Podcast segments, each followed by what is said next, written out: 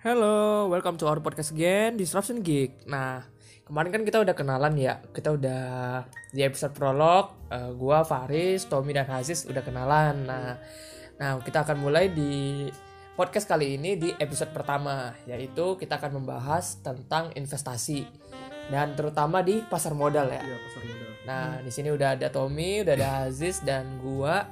Nah, kali ini kita pengen bahas-bahas, kita ulik-ulik lah pasar modal itu apa dan sebenarnya tuh teman-teman kita pengen sharing lah bagaimana sih pasar modal itu bisa mempengaruhi kehidupan kita sekarang. Karena menurut aku sendiri ya, menurut gua eh, kalau kita nggak kenal pasar modal tuh ya kalau bisa tuh apa ya? Kalau bisa tuh kita kenal gitu eh, pasar modal dari sekarang karena investasi itu penting. Nah, kali ini bakal Tommy nih main starnya nih karena dia yang lebih apa ya lebih fokus belajar tentang pasar modal ya. Iya, Oke. Oke. Mungkin Tom pertama eh, kalau dari aku sih aku pengen banget nih teman-teman tahu gitu kenapa sih kita harus tahu pasar modal kita harus kita harus belajar pasar modal atau kenapa sih kita harus berinvestasi dulu deh coba Tom gimana Oke.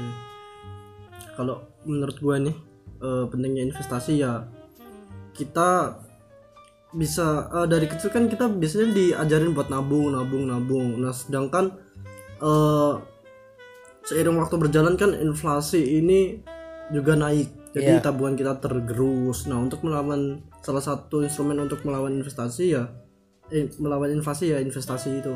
Jadi investasi ini eh sebenarnya sama kayak nabung, cuman kita bisa mengalahkan inflasi itu. Jadi apa growth rate-nya itu bisa mengalahkan inflasi.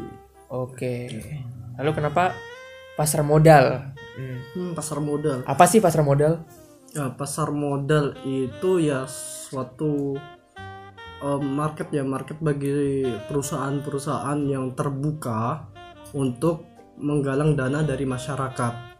Hmm, coba Jis terbuka ya urusan terbuka itu seperti apa Kalau sih perusahaan terbuka ya Hmm. sebenarnya perusahaan itu kan harus ada yang punya kan kepemilikan Hmm, suatu orang punya perusahaan berarti dia punya kepemilikan perusahaan atau sahamnya 100% jadi kalau misalkan dia butuh dana untuk ekspansi ya dia harus pinjem duit atau pokoknya harus ada duit kan. Kalau dia nggak punya duit ya pinjem bank. Ya. opsinya pinjem bank atau dia pinjem duit orang lain. Hmm. orang lain mau minjemin duit nggak? Ya pasti nggak mau kalau nggak ada return atau imbal balik hmm. kalau kita pinjem kalau orangnya pinjem duit ke orang berarti kan dia namanya masuknya obligasi. Nah Oke, tapi kalau dia pengen pinjem duit orang dan nggak dapet maksudnya returnnya itu berupa dividen nah itu namanya- saham jadi dia dapat porsi kepemilikan berapa persen perusahaan Oke. Jadi sekilas lah itu ya tentang pasar Iya. modal secara umum. Tahu. Apalagi nih yang mau kita bahas nih tentang pasar modal. Coba tuh. Dari sisi disrupsinya ya mungkin ya. Hmm. ya Nah, kalau kita tarik sejarah dari awalnya terbentuk pasar modal itu tahun 1900-an perusahaan pertama yang terbuka secara apa ke masyarakat itu di Indonesia sendiri yaitu VOC. Wah, VOC. oh Belajar sejarah lagi nih. Iya. ya Ketika itu VOC sedang kekurangan modal hingga akhirnya mereka eh, menggalang dana dari masyarakat ya waktu itu mungkin masyarakat masyarakat elit ya yang Hmm. bisa apa investasi saham ke VOC.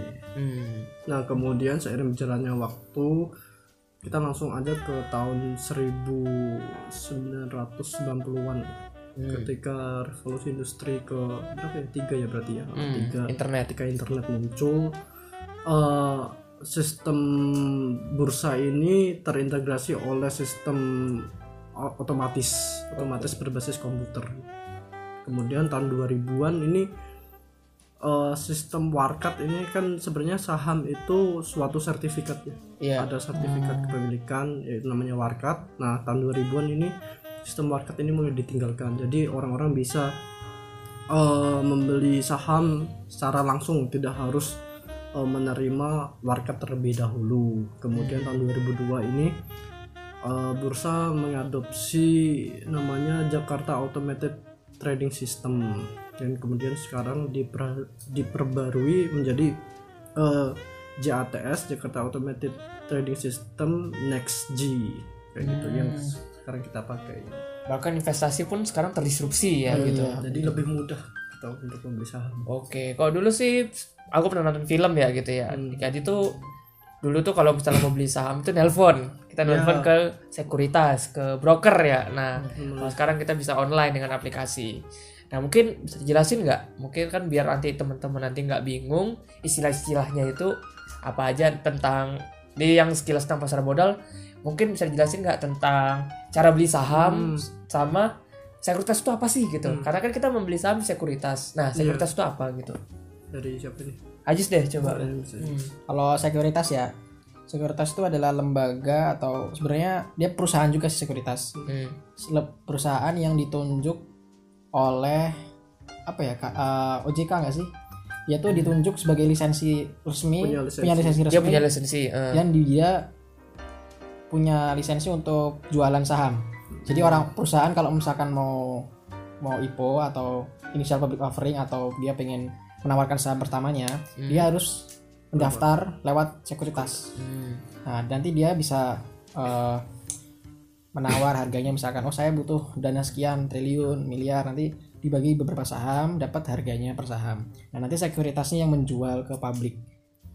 Jadi sekuritas itu perusahaannya sekuritas itu sendiri masih meskipun dia jualan saham dia pun dia pun bisa apa ya namanya dia bisa IPO dia bisa terbuka juga Hmm. kayak misalkan contohnya Sinarmas Hmm. itu kan dia juga perusahaannya terbuka juga jadi orang-orang juga punya pem- bisa punya kepemilikan tentang sekuritasnya itu Kalau contoh-contoh sekuritas mungkin teman-teman bisa ngelihat eh, bank ya. Bank itu kan juga dia punya lini bisnis yang banyak gitu, Iya. investasi maupun asuransi. Nah, contohnya misalnya ada bank yang belakangnya nanti bacanya sekuritas, misalnya BCA Sekuritas, Mandiri Sekuritas, BNI Sekuritas. Nah, itu teman-teman bisa membuka rekening di, di setiap yang ada tulisan sekuritas itu nanti teman-teman bisa menanamkan mau menanamkan modal berapa. Itu ada minimalnya nanti teman-teman bisa lihat di internet. Mungkin bisa deh Tom, cara beli saham sekarang tuh seperti apa sih untuk teman-teman pemula gitu. cara beli saham sekarang ya gampang banget sih Eh, kalau dulu kan manual banget ya harus nelpon sekuritas atau datang ke sekuritas secara langsung Hmm. sekarang eh, kalau mau beli saham ya kita harus daftar dulu di suatu sekuritas yang Oke. kayak disebutin tadi bisa juga yang itu kan yang negeri tadi yang swasta juga, swasta juga banyak Hmm.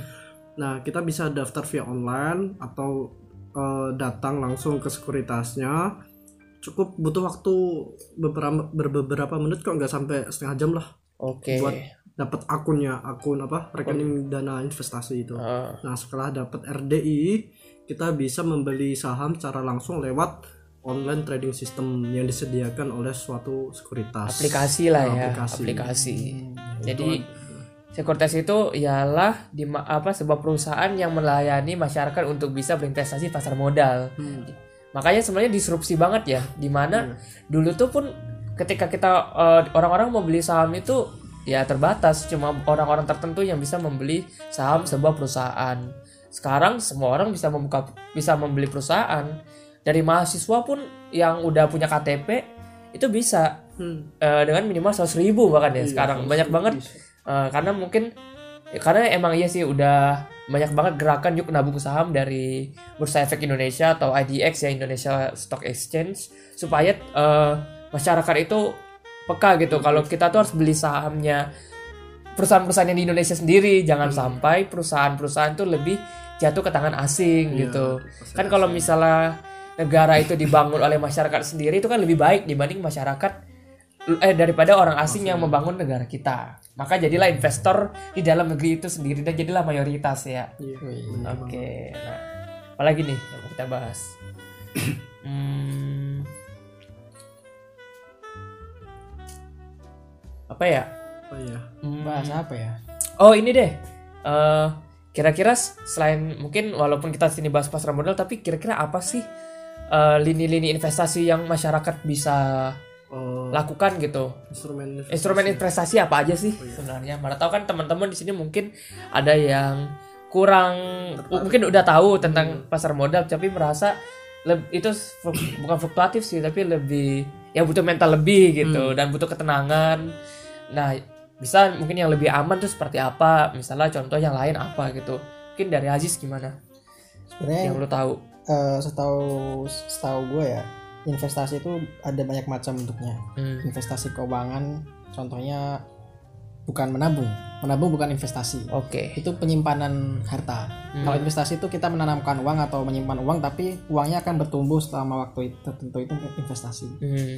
nah investasi itu contohnya keuangan mem- mem- meminjamkan uang ke seseorang obligasi dengan harapan kembalian uangnya kembali dengan beberapa bunga. Nah itu salah satu contohnya beli obligasi terus saham kita membeli perusahaan dengan investasikan uang kita ke perusahaan terus berharap kalau enggak eh, apa Dividen. ya dividen dan juga pertumbuhan capital gain capital gain jadi uang kita akan bertambah mengalahkan inflasi Oke. Ini deh. eh ini kan lu lu pada investasi kan? Iya. Eh, ya pastilah pada investasi karena kan jangan sampai kita nanti udah kerja eh dan jangan jangan lupa ya apa financial management itu juga penting gitu. Jangan sampai kita udah kerja boros investasi nggak ada ya. Nanti pas udah tua malah bingung kita nggak punya apa-apa gitu. Benar. Mungkin eh, bisa diceritain nggak eh, pengalaman investasi dimulai kapan? Lu Tom gitu. Kalau aku ya investasi buat saham sih sekitar satu setengah tahun yang lalu. Satu setengah udah setengah tahun ya Tapi ya masih waktu itu masih ilmu saya ilmuku masih tentang investasi saham itu masih cetek banget lah. Belum tentang belum belajar tentang value investing atau yang lainnya. Dulu cuman asal beli aja. Hmm. Ya. Dan seiring apa seiring berjalannya waktu ya sekarang udah ketemu orang-orang kita belajar bareng tentang value investing. Nah itu penting banget tuh value investing untuk apa ya? Eh biar kalau kita beli saham itu gak asal-asalan gitu. Kan kadang saham juga naik turun tuh. Ah dari ilmu value investing tuh kita bisa tahu ini apa perus suatu perusahaan ini layak investasi atau enggak. Apakah inves- apa investasi ber- di perusahaan ini berbahaya atau enggak kayak gitu sih. Oke, berarti kalau aku nangkapnya sih uh, beli saham itu bukan gambling ya, Hmm. karena jangan sampai kita berspekulasi. Iya, itu kembali ke niat kita. Jadi kalau mau beli perus, kita mau beli sebuah saham perusahaan, memang kita berharap perusahaan itu bakal bagus ke depan, dia akan berkembang. Hmm. Dari analis-analis kita, dari analisis keuang, laporan keuangannya. Jadi teman-teman mungkin uh, bisa belajar basic akut- akuntansi ya, belajar basic accounting. Nah nanti terus juga harus tahu se- secara subjektif kira-kira perusahaan ini bis- bisnis industrinya bagus gak gitu? Apakah dia industri komoditas? Komoditas itu kan batu bara, ya minyak, ya eh, apalagi ya, timah dan semacamnya. Atau mau finansial, keuangan, itu ada bank, asuransi, jasa keuangan lah intinya ya. Ada lagi apa ya? Apa aja? infrastruktur infrastruktur ya konstruksi properti nah itu kembali lagi ke teman-teman di kalau kata Warren Buffett Warren Buffett itu dia membeli kalau teman-teman tahu ya Warren Buffett itu kan salah satu bukan salah satu dia investor terkaya malah ya sekarang di dunia. Yang dia tuh dari umur 7 tahun 7 tahun pas 11 tahun ya? 11 tahun. 11 tahun dia udah invest. Dan dia memang tokoh investasi dunia lah gitu. Dia membeli saham dengan cara value investing di mana dia beli saham, dia tahu bisnisnya tuh apa. Jadi jangan sampai nih teman-teman memulai eh, langsung beli dengan langsung berharap berspekulasi ini perusahaan bakal bagus gini-gini. Bahkan di zamannya di Amerika dulu malah bisnis teknologi kalau sekarang kan teknologi lagi wow banget ya startup dan semacamnya. Malah pada saat dulu tahun 2000-an ada namanya .com .com .com crash di mana eh, perusahaan-perusahaan yang .com atau lebih ke teknologi yang internet itu malah jatuh banget. Tapi sebelum itu dia bubble, dia bakal naik, dia naik tinggi. Orang-orang pada berspekulasi makin-makin dan merasa kayak wah gua kaya nih, gua kaya. Ternyata malah drop tiba-tiba dalam waktu yang tidak lama. Dan ternyata ya itu karena miskalkulasi seperti itu. karena Jadi- kalkulasi ini aja value mereka tidak melihat perusahaannya value perusahaannya tepat tapi dia ng- ngikutin grafik trennya oh semakin banyak yang beli semakin mahal padahal harganya nggak segitu jadi Iya. nanti akan secara alami terkoreksi sendiri harganya Jadi nanti kalau memang investasi saham tuh bakal teman-teman tuh nggak sekedar dapat capital gain atau apa, tapi teman-teman tuh belajar belajar dari belajar apa itu aset, belajar itu apa itu ekuitas, liabilitas, cash flow dan semacamnya seperti itu. Jadi nggak ada salahnya kita untuk memulai investasi. Bahkan kalau teman-teman masih muda, itu saat yang tepat untuk bisa berinvestasi karena butuh mungkin beberapa bulan atau satu tahunan untuk bisa melatih jiwa investasinya seperti itu ya. iya Kalau lu dari mana Jis? Mulai investasi? gua mulai investasi kira-kira setengah tahun lebih dikit lah Hmm. sebelumnya investasi tuh gue pakai deposito ya. Hmm. Gua ngiranya- oh ya lu dari deposito dulu gue ya? dari deposito. Jadi misalkan ah ini gue ada, du- ada duit nganggur nih. Gue masukin mana ya? Kalau di bank kena cas. Kena cas. Padahal gue nggak ngapa-ngapain kena cas. Hmm. ya gue masukin aja ada fitur deposito. Tapi kok deposito ini ya cuman bunganya segini gitu kan per Hmm. per per tahun segini kan terus kalau gue kan agak agak gimana sama riba gitu kan. Sedangkan gue kan tahu oh bank itu ini bisnisnya adalah kredit.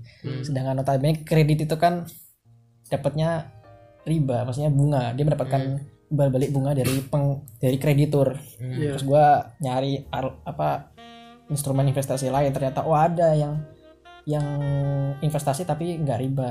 Di saham tuh ada. Ternyata kalau kita lihat lini bisnis kan banyak orang banyak macamnya. Kayak infrastruktur terus apa keuangan keuangan kemudian Komoditas. mm, komoditas dan lain-lain itu kan Hmm. terus gua mulai deh baca-baca tentang perusahaannya ya itu terus gua investkan ke perusahaan lewat Oke. saham Hmm. Karena pun sebenarnya logikanya pasar modal tuh di pasar modal investasi saham itu ialah membeli sebuah barang yang dijual lagi dengan harga yang lebih mahal atau lebih murah karena itu tergantung oleh permintaan dan penawaran. Iya. dan itu transaksi jual beli nah Hmm. logika itu transaksi jual beli ya. Karena bukan bukan bunga yang dimainkan Iya. seperti itu. Kalau dari aku kalau aku sih udah sama sama Tommy kita startnya bareng. Buka sekuritas saja bareng dulu ya. Eh, jadi kita memang dulu pernah ke apa kita kan memang satu komunitas gitu kita sharing sharing sama ada senior kita yang memang udah ngajarin ya alhamdulillah jadi komunitas sinau finansial ya ada di Semarang gitu. Akhirnya kita belajar ya akhirnya alhamdulillah kita jadi punya banyak pengalaman dan banyak ilmu seperti itu. Oke mungkin itu ya sih tentang investasi ya untuk secara umum secara pasar modal. Supaya teman-teman kalau kita sih pengennya teman-teman tuh jadi tri- ke trigger gitu lah untuk bisa mencoba belajar. Mungkin teman-teman masih ragu untuk bisa memulai karena mungkin antara mungkin ada yang belum punya pendapatan yang jelas atau takut rugi dan semacamnya. Saya kurang pengetahuan. Mm-mm, tak kurang mengetahui tapi jangan takut gitu untuk mulai dulu untuk belajar. Karena belajar itu gratis. Makanya bahkan mendengar podcast kita dan mungkin podcast eh, orang-orang yang udah lebih keren lagi tuh gratis gitu. Nggak ada namanya kita kita menjual podcast gitu. Nah, kita kita gratis karena sharing itu bagus banget lah intinya gitu. Sharing itu berfungsi sharing itu berguna untuk kita sendiri. Kita juga sa- saling belajar dan sharing untuk teman-teman juga supaya bisa teman-teman peka. Karena hal-hal gini ini nggak ada di kuliahan seperti itu. Nah, ini kan pelajaran kehidupan kalau bisa dibilang. Self education self education. Atau teman-teman yang pengen ini terakhir deh buku-buku apa nih yang referensi-referensi deh untuk baca-baca tentang investasi. Coba referensi ya? Eh, mau yang apa? Nasional apa internasional Kalau nasional apa deh? Kalau nasional itu banyak tuh eh, bukunya Lukas apa, Oh, iya. Lukas Setiatmaja Hmm, itu iya, banyak iya. di Gua baca tuh. ada Apa namanya? OTB eh, Smiling Investor Smiling Investor ya, eh, warna merah ya apanya covernya. eh. sama Rational Investor Hmm. ya buku-buku yang fundamental gitulah yang patutnya kita pelajari dulu sebelum apa masuk ke terjun ke dunia saham kalau di level internasional ya yang paling wajib ya The Intelligent Investor. Itu Intelligent investor. kitab sucinya investor lah. Investor ya. Itu tebel banget itu. Gue masih bawa 14 malah itu. 14 coba. Itu pengarangnya tuh Benjamin Graham. Nah Benjamin Graham itu gurunya Warren Warren Buffett. Nah, Warren Buffett. Nah atau mungkin teman-teman bisa cari juga nih yang paling basic itu di PDF-nya banyak ini itu yaitu How Buffett Does It ya nah ya itu si James Par Pardue James Pardue ya James Pardue. James Pardue. Nah, terus kalau dari gua sih ngereferensi teman-teman juga bisa baca di nonton di YouTube tapi mungkin tentang Warren Buffett gitu ya. Warren Buffett dari YouTube mungkin ada lah mungkin animasi-animasi yang menggambarkan Warren Buffett seperti apa untuk bisa menginspirasi teman-teman. ya benar. Oke. Udah lu ada apa? Terakhir apa yang mau lu pesan buat teman-teman nih? Kalau dari gua sendiri sih lihat dari kemampuan finansial dulu ya. Kalau lu merasa duit lu kurang untuk investasi, lu sebaiknya mulai start baca buku, Hmm. terus start list perusahaan apa aja yang sudah terbuka, baca laporannya, entah itu laporan keuangan atau laporan perusahaan. Hmm. bisa cek di website ya bisa website cek di perusahaan website. Oh. bisa dicek di IDX atau di perusahaannya sendiri itu kan wajib itu Iya. sebuah kewajiban di bagian kalau buka website perusahaan misalnya perusahaan x.com nanti ada di bagian investor Rel- relation ada namanya annual report ada juga namanya financial report atau baca aja annual report financial reportnya udah di dalam situ iya baca aja yang laporan keuangan tahunan atau annual report Oke. Lama-lama nanti bakal ini ya, bakal make sense sendiri ya gitu. Oh, ternyata make bis sense ini bisnya ini, profitnya dari sini, revenue-nya iya seru kok seru udah seru baca. sebenarnya. Makan itu kita yang bukan kita bukan anak keuangan ya, tapi kita malah bisa gitu ya. Kan itu satu skill, itu kan invest in yourself lagi gitu. Kalau lu apa Tom? Yang terakhir yang sampaikan? Apa? Pesan ya? Hmm. ya pesannya ya itu belajar dulu. Pokoknya sebelum terjun ke dunia saham karena saham itu nggak selalu naik terus nggak. Tapi kadang ada ada turunnya ada ya fluktuatif lah. Pokoknya itu harus kita belajar dari buku-buku yang kita sebutkan tadi. Bisa belajar dari situ dari funda fundamentalnya fundamental saham itu gimana dan dari setelah baca buku nah baru kita bisa terjun ke dunia saham. Oke, thank you Tom, Aziz. Eh, Kalau dari gue sih, yang penting teman-teman sama aja ya intinya. Coba start dulu belajar, jangan sampai kalian malah takut karena dunia saham ini terbuka untuk semua orang dan gratis untuk belajar. Oke, terima kasih untuk teman-teman yang udah mendengarkan episode pertama podcast kita ini. Semoga bisa bermanfaat buat teman-teman.